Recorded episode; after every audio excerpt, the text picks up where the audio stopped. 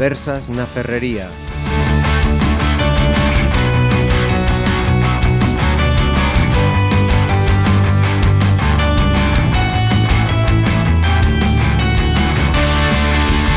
Aprovechando ese estreno de Super Punky, pues hemos querido traer, uh, vamos a decir que una representación, si no todas, mm, buena parte, mm, implicadas en este corto musical mm, que va a pasar a la historia, vamos a decirlo así, señor director, como el primer corto musical rodado íntegramente en Pontevedra. Pablo Cacheda, é así, non? Nada, eu non sei se, se así porque a nivel de meroteca non fixe un estudio moi profundo, pero penso que sí, home, a nivel local, pois se curta metraxe musical, penso que non se fixeron moitas, fixose moita obra aquí, pero musical creo que non. Uh -huh.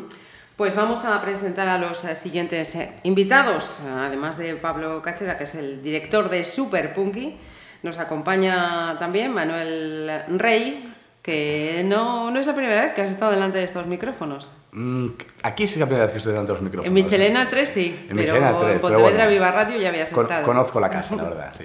¿Qué tal? Buenas. Manu, has participado, digamos que cediendo la, me decía, ¿no? la, la base operativa para, para este corto. Hay secuencias que también se han rodado ahí y has vivido, no sé si más desde dentro o desde fuera este, este corto. He vivido desde el punto de vista de, de un desconocedor total de lo que es en plan el, este mundo ¿no? audiovisual. Uh -huh. Realmente tengo que decir que le debo a Pablo el conocimiento de la dificultad que conlleva realizar cualquier tipo de estas cosas que igual cuando las ves en pantalla pues parece que... Que fácil es. Que, que, que fácil es y que, uh -huh. y que, tal, pero realmente eh, lo que es el montaje, el la cantidad de gente que trabaja detrás del, del, del corto y, y, lo, que, lo que mueven entre ellos y, uh -huh. y, lo que corren todos los días, porque es una pasada, eh, te deja un poco marcadito y la verdad es que para mí ha sido una gran experiencia como, como, uh -huh.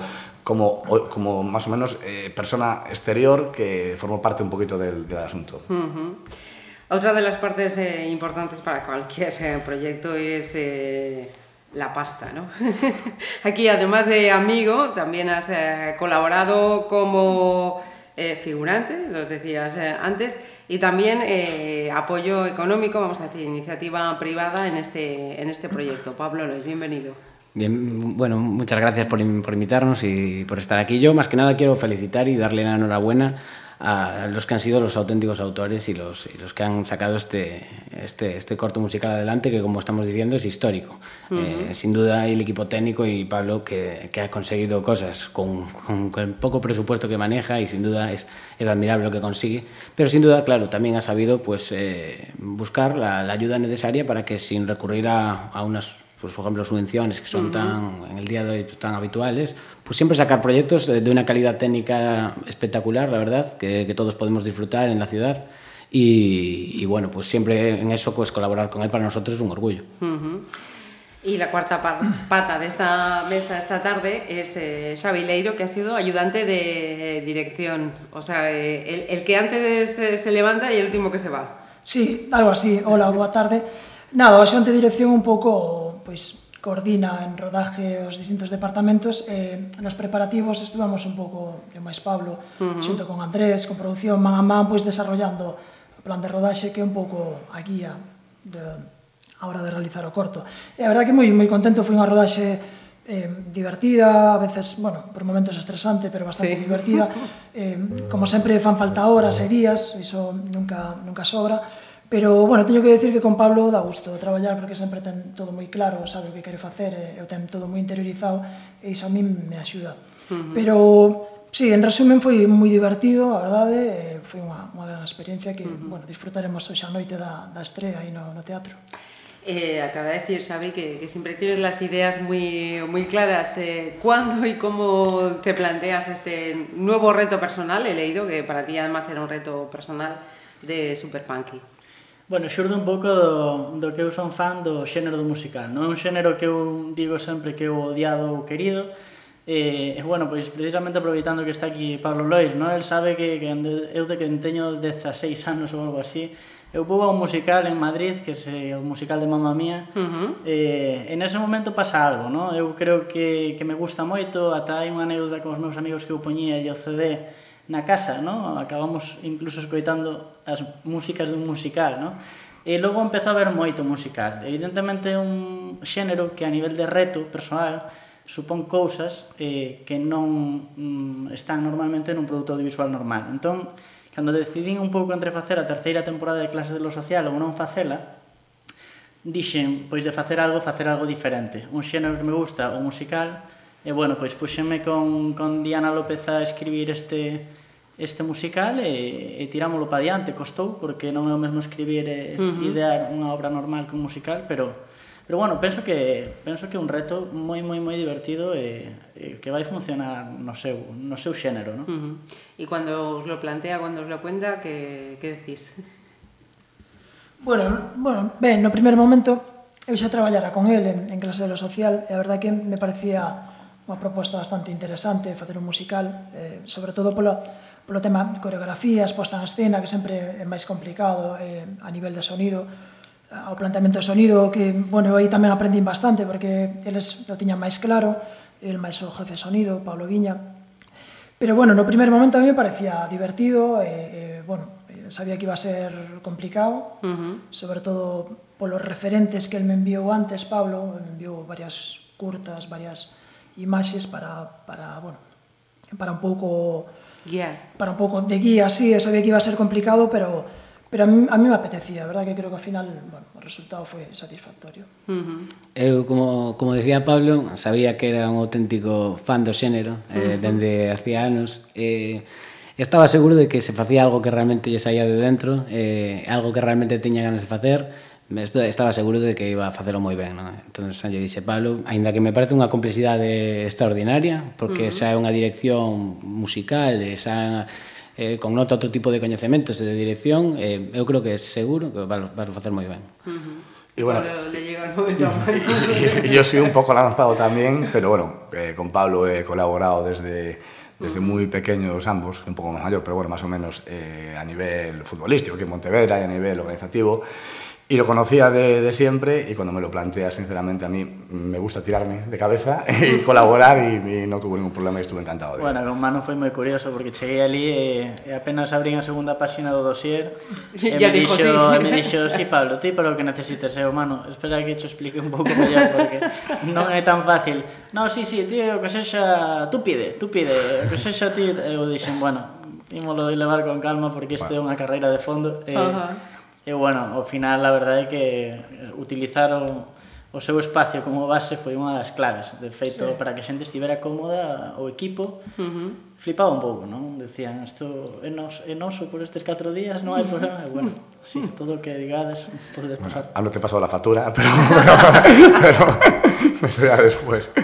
Yo, yo recuerdo además que si, si ya fue un impacto para ellos, me imagino, para los que íbamos allí al pasaje, de repente llegabas, ibas a tomarte el café y veías eso, cables, gente que subía, gente que bajaba. Eh, e incluso recuerdo, tengo una imagen de una señora que, que abordó a alguno de vosotros y le dijo, oye, mi hijo tiene unas cualidades, o sea, incluso ya ofreciéndolo para el, yo, para el proyecto. Yo se puedo contar a modo anécdota yo me acuerdo que los días anteriores al, al, rodaje, yo un poco iba informando a la gente, a la cliente habitual, de que, bueno, de que ese día pues, iba a ser un poco complicado, porque realmente en algunos momentos pues, la gente tiene que estar callada, tiene que intentar hacer poco ruido. Y bueno, yo creo que hice un casting yo para, para, para, para el corto, porque tenía algo así como 15 o 16 eh, personas que querían participar en el corto. Sí, sí. Y por último, mmm, y ya me callo porque soy un bocazas, eh, el día del rodaje, que es una, una escena bastante, bastante silenciosa, bastante importante, ahí me coincidió que fue un jueves a la noche que es un jueves aquí en Monteo Universitario, y ahí me coincidió con una cena de, no te debo mentir, de 37 chavales de, sean de publicidad o de, o de fisioterapia, que casualmente estaban cenando a la vez que, a la vez que, que, que ellos estaban, estaban rodando fuera, y bueno, la persona entraba y tal y cual, y claro, eh, yo estaba diciendo, es imposible, o sea, va a ser imposible completamente que estos 37 se callen, sí, sí. y yo, yo me quedé sorprendido por cómo se lo tomaron los tíos y realmente conseguir... Eh, si tú ves a 37 personas de cena a los 20 años, uh -huh. entre amigos, mantener la compostura que mantuvieron es impresionante. Yo no me lo creo nadie de hoy, ni yo. O sea que fue increíble por, por mi parte. No hemos contado la, la, sinopsis de Super Punky, cómo lo resumimos o cómo lo vendemos para los que nos estén eh, escuchando, porque vamos a decir, que vayan. Si nos están escuchando a la hora de la primera emisión, vamos a permitirles que den al pause y se vayan al teatro principal, porque a las 9 también es la presentación y que luego escuchen esta, esta tertulia. Pero para aquellos que no tengan eh, ocasión, eh, ¿cuál es esa sinopsis de Super Punky? Bueno, como digo, é historia de, de xénero, realmente a, a historia é unha excusa, moitas veces, pero conta unha historia moi simple, non? Simple no sentido de que é unha historia entre dúas amigas, que son amigas desde pequenas, pero co tempo distancianse musicalmente falando, non? A unha uh -huh. gustan unhas cousas e outra outros. E eh, un grupo do que son moi fans cando son pequenas, pois o cantante agora é un cantautor e dá un concerto na cidade. Eh, bueno, ese personaxe sirve un pouco de eixo entre conflictos entre elas, eh, uh -huh. piques entre elas que son con, pois, pues, generalmente solucionados a través da música. Eh, os personaxes tenen peculiaridades porque están todos moi moi moi pasados, son todos paródicos do que serían os personaxes de musical, están os personaxes de Monolius Dob que eh, engadenlle engádenlle a curta o, o punto cómico, no? un, uh -huh. pouco, un pouco máis payaso, a través dos seus temas, e logo, pois, pois é unha historia moi moi pequena que se con un principio e un final moi claros, eh, pero moi parodia do, do xénero. Uh -huh. Y, y a la hora de elegir el elenco de, de actores, también lo tenías eh, claro, te fueron sugiriendo, porque si ya puede tener su complejidad hacer un corto, eso sí, encima hay que bailar, hay que ponerse, me imagino que aún será rizar el rizo más. Sí, a Prota en concreto reunía as dúas cualidades, a de cantar e actuar moi ben. Antea Rodríguez foi un descubrimento incluso para, para parte do equipo que non a coñecía porque unha rapaza que está empezando. E despois caras que xa coñecíamos, no? caras consagradas a nivel televisión, que como Coba Verdiña, Sabel Arán, que, que, bueno, que engaden o, o seu punto é que o Alicente delas era participar nun, nunha curta musical, non nunha curta normal. Precisamente uh -huh. para iso foi máis fácil que se uniran ao proxecto. E logo os personajes de, de musicales en sí que compoñen a banda sonora, que son Fernando González, eh, polo seu grupo Priscila. Eh, o seu grupo Priscila, que é un grupo ourensán de pop, uh -huh. eh, catro dos temas son forman parte da banda sonora. Entón, nos integramos esos temas nunha trama. E logo os personaxes de Monolius Dop que, que compuxeron os temas especificamente para este para este, para este, corto. para este corto e que por riba hoxe pois van a exercer un pouco de maestros de ceremonias e, uh -huh. e van dar un concerto despois no, no Paz Marilyn.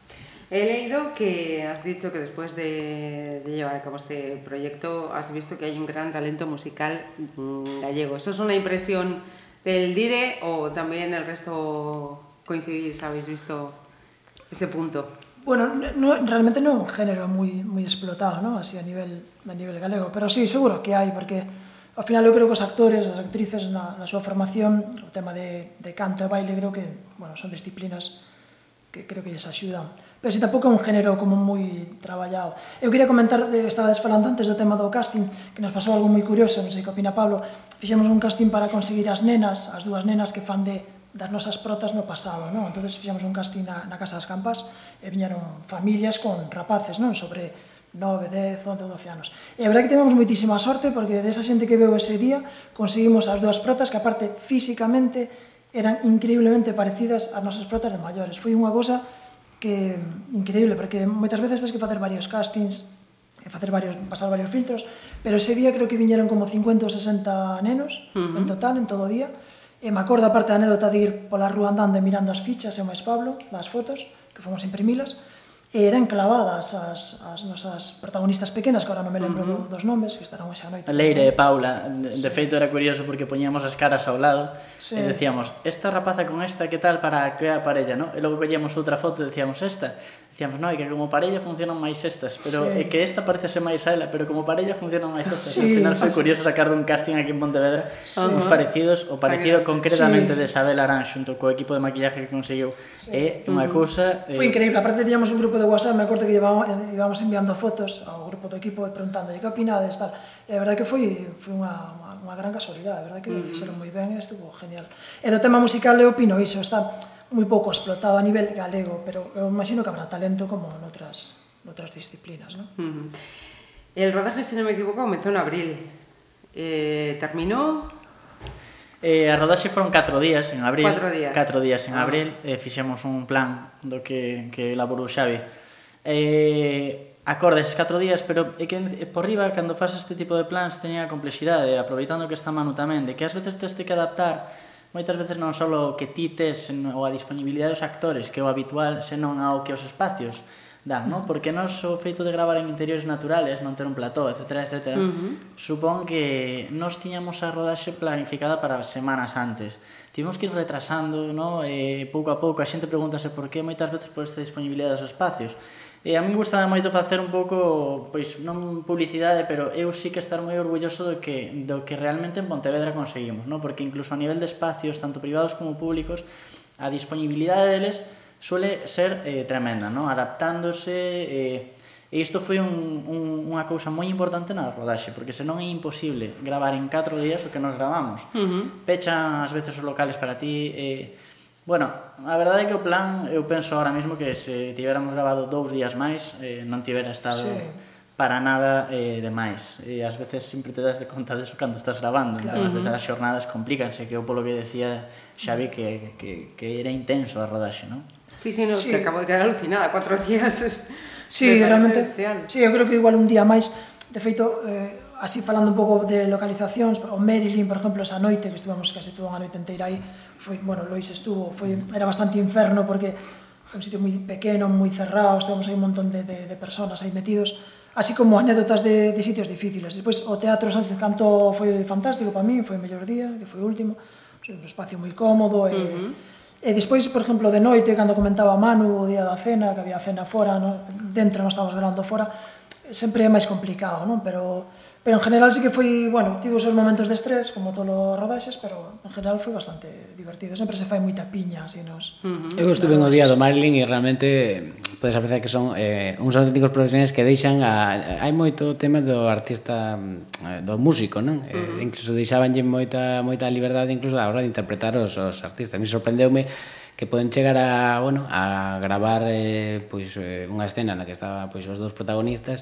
e, bueno, a, a reaccións que poden cambiar moitísimo, eh, poden gravar moitos tipos de reaccións para unha escena, no? Uh -huh. E, ao final eh, a, a liberdade que lle dan ao propio actor tamén para, para modelar a súa, a súa escena, pois pues sorprende. A verdade é que gustoume moito porque tampouco había estado nun, nunha rodaxe tan uh -huh. así tan, tan, tan profesional. Eh, uh -huh. gustoume tamén estar ali, eso, uh -huh. eso. É algo que eh, invito a xente que, que, que colabore nos próximos cortos de, de, de Pablo porque a verdade é moi moi interesante. Pablo, prepárate, que non sei onde vas a meter tanta gente, eh.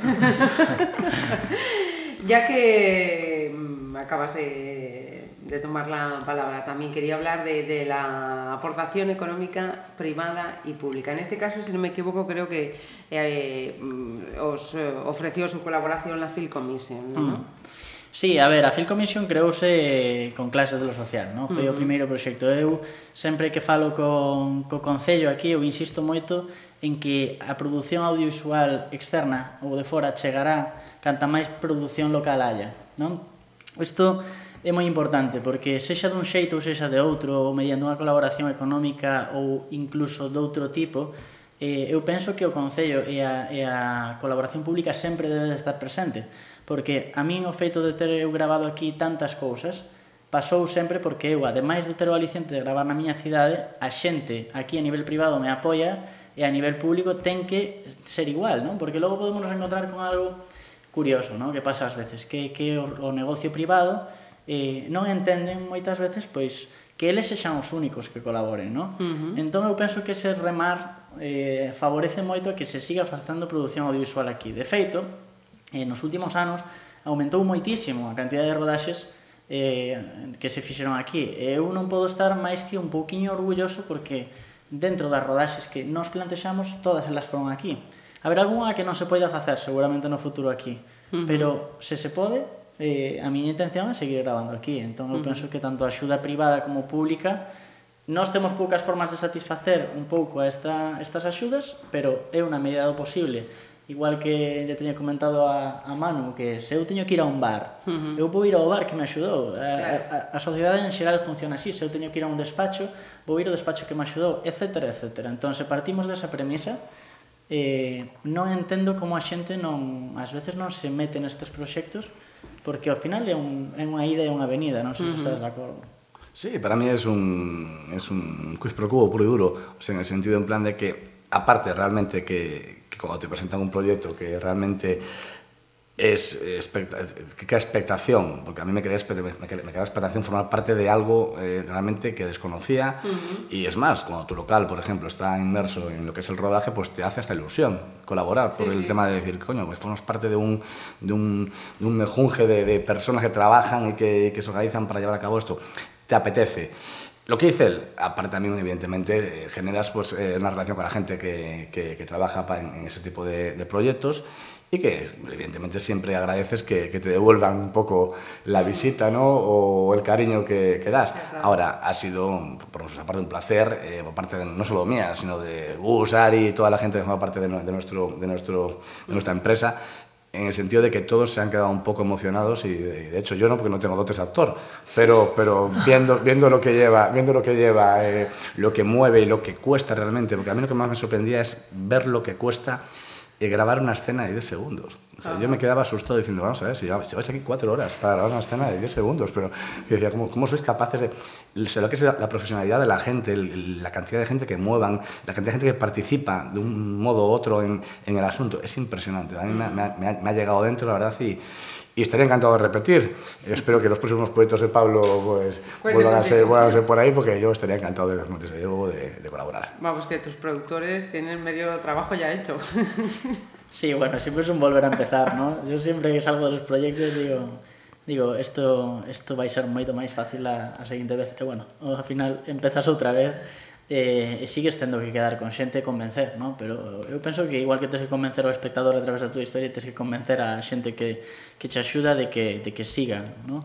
Ás veces pode gustar máis ou menos o, o proxecto, pero eu mm. penso que aquí a nivel de, de satisfacción ca, ca xente que, que colaborou, eu creo que quedaron sempre bastante contentos, co cal os produtores e a xente do equipo de produción que fai un traballo brutal, eh, ten que estar orgullosa, porque aparte eles en concreto, que bueno, non está aquí o Andrés, pero Andrés Rozados fixe un traballo espectacular, eh, eh, a veces desagradecido, eu comparo un pouco co medio centro defensivo del fútbol, ¿no? que ele é o que se encarga ás veces de mandarlle un WhatsApp a un colaborador para que non se preocupe, é unha cousa que fai el pola súa conta e que ás veces non sabes.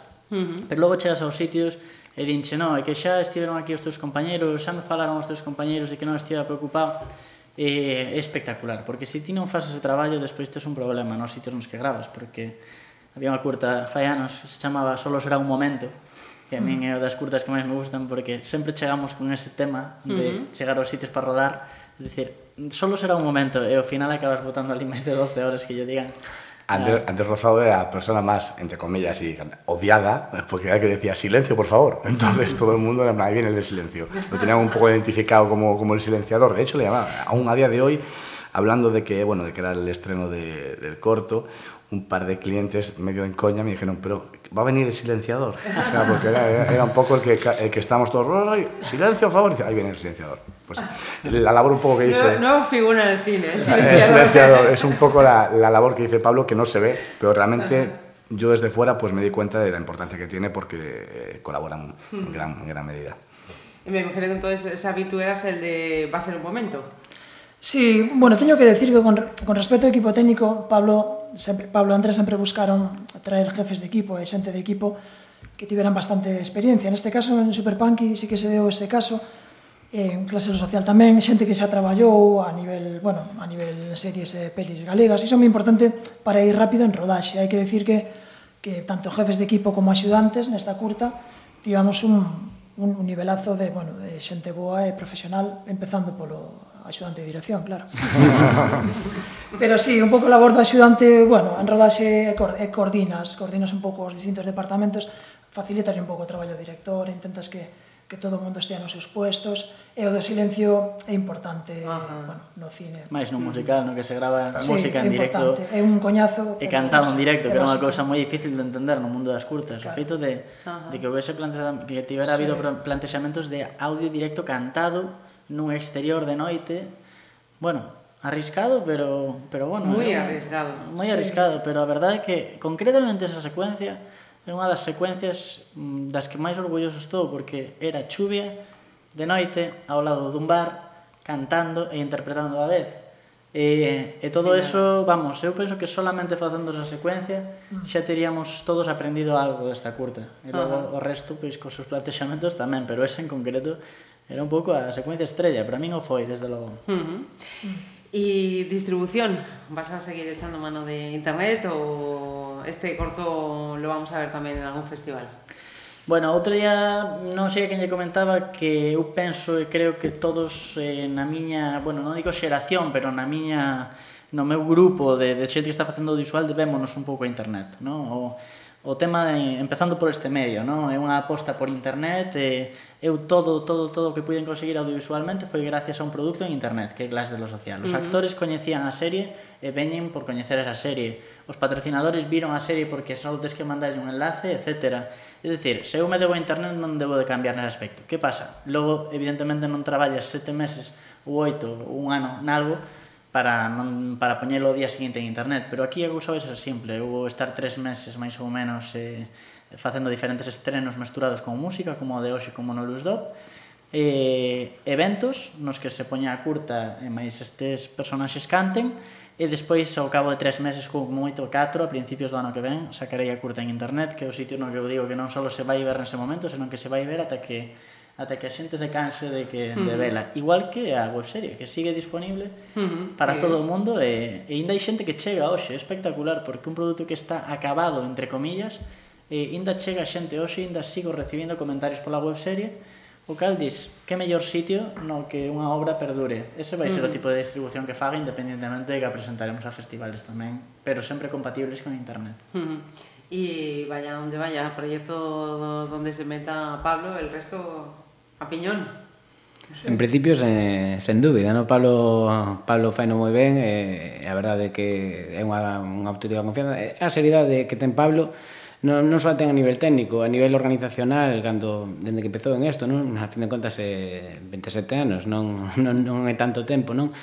dende o primeiro momento quiso facer rodaxes profesionais, quiso tamén por eso contou con despacho con, con os carreras abogados, porque quería facer dar de alta xente, ter, uh -huh. ter unha organización diferente a que este tipo de proxectos tan pequenos, a veces con presupuesto tan baixo, pois pode facerse, non? En ese sentido, a verdade é que eu estou moi orgulloso de que siga crecendo e siga facendo cousas cada vez máis ambiciosas e, e cada vez eh, eu creo que con mellor resultado, como podedes ver hoxe na nosa. Uh -huh.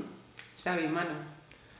O mesmo, perdón, Xavi, eh, o mesmo no sentido de que eh, eh uso galego tamén, xa que fa isto en galego tamén.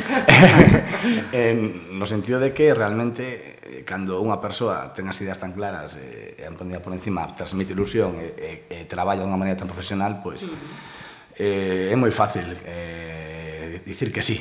Eh, sería diferente se vires outra cosa, pero realmente eh, o traballo, a ilusión, a, o plantexamento, a profesionalidade, todo vai xunto, entón é eh, moi fácil para nós colaborar e, e seguiremos na medida do posible facendo. Tomaremos a palabra. nota, nota, queda aquí tamén. Queda grabado, queda, non? Queda, queda para grabado. sempre.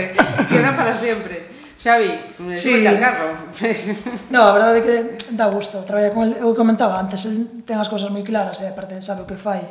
Digamos, mm, cando está facendo un produto, sabe que produto está facendo, iso é moi importante e aparte tento a información interiorizada, tento como traballa moito, entonces a min personalmente como axudante de dirección pois me, me facilita o meu traballo. E pois tamén temos aí proxectos personales, bueno, isto tamén hai moito feedback, non? De, de hai proxectos personales tamén meus que tamén poden fluir, eh, que me pode botar unha man, entonces tamén se trata un pouco. Uh -huh. Xavi, Xavi sempre di que está pelexando cando pagamos a película, está pelexando a xuntía de dirección para que non pagamos a película. claro. bueno, pues antes de la película, no sé si ya sabes que va a ser el siguiente reto en el que te metas.